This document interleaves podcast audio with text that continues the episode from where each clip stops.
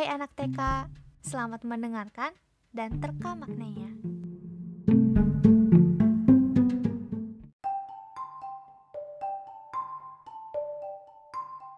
Kali ini aku mau cerita tentang gimana aku ketemu atau aku kenal Greta gitu ya. Aku pertama kenal Greta itu di Instagram. Dan aku di situ pas lihat-lihat satu akun gitu ya. Pas di situ aku langsung scroll-scroll gitu. Dan ketemu lah kayak yang menarik perhatian aku gitu kan. Orang yang seumur aku dan dia kayak pidato gitu kan. Pas diklik itu, aku lihat ya kayak misalkan dia itu kayak pidato tentang krisis iklim di depan banyak orang pilihan gitu di White House coba di gedung putih Amerika Serikat dan itu kayak wow banget kan sekarang aku mau bacain pidatonya dalam bahasa Indonesia ya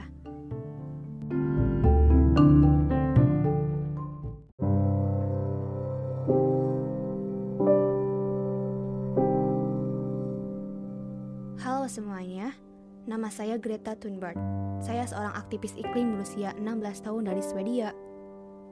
Saya bersyukur berada bersama Anda di sini, di Amerika Serikat, negara yang bagi banyak orang adalah negara impian. Saya juga punya mimpi. Saya bermimpi bahwa orang-orang yang berkuasa serta media mulai memperlakukan krisis ini seperti keadaan darurat yang ada. Sehingga saya bisa pulang ke saudara perempuan saya, Biata, dan anjing saya, karena saya merindukan mereka. Sebenarnya, saya punya banyak mimpi. Tapi ini tahun 2019. Ini bukan waktu dan tempat untuk bermimpi. Ini adalah waktu untuk bangun. Inilah momen dalam sejarah yang perlu kita waspadai.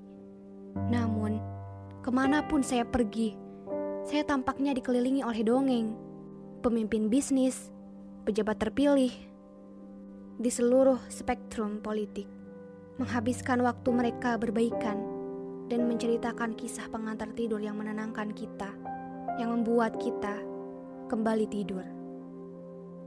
Ini adalah kisah-kisah yang menyenangkan tentang bagaimana kita akan memperbaiki segalanya.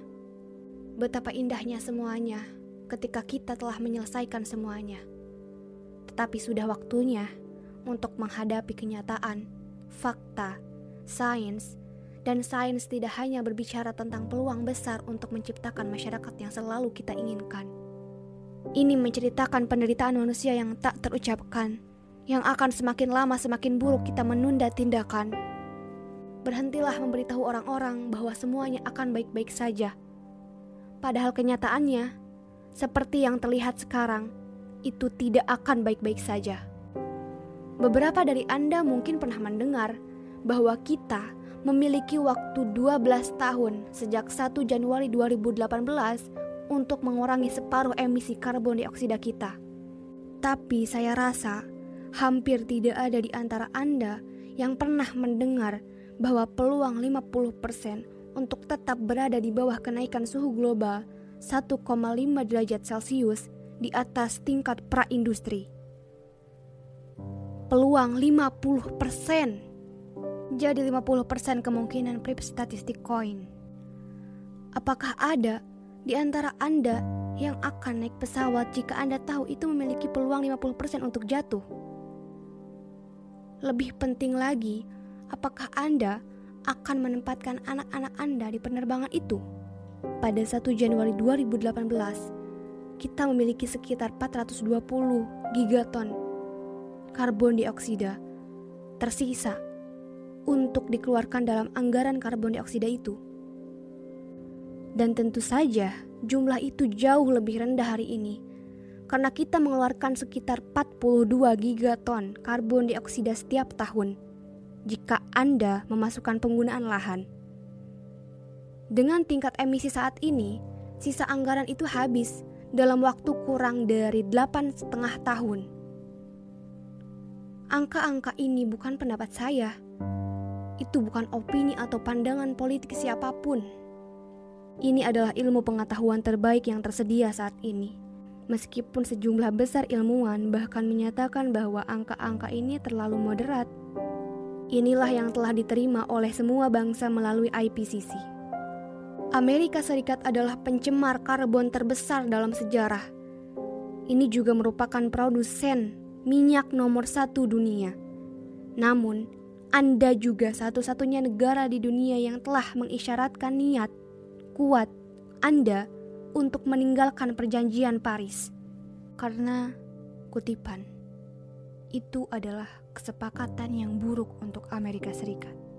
420 gigaton karbon dioksida tersisa untuk dipancarkan pada 1 Januari 2018.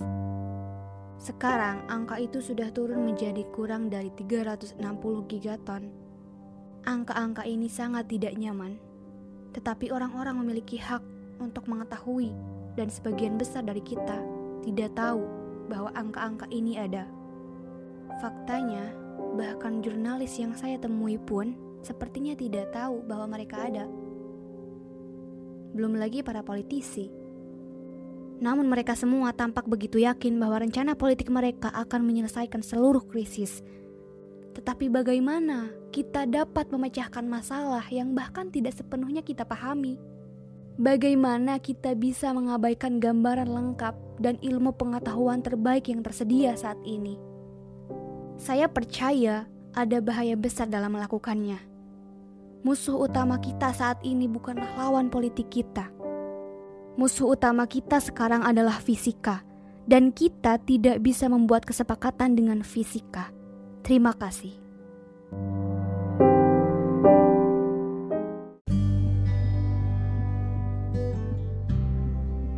Udah gitu, aku nemu dokumenter dia dari awal dia berjuang buat demo sendirian di depan gedung pemerintahan Swedia sampai bisa kayak sekarang. Punya komunitas Fridays for Future, tempat orang-orang demo supaya pemerintah ngubah sistem yang gak merugikan iklim.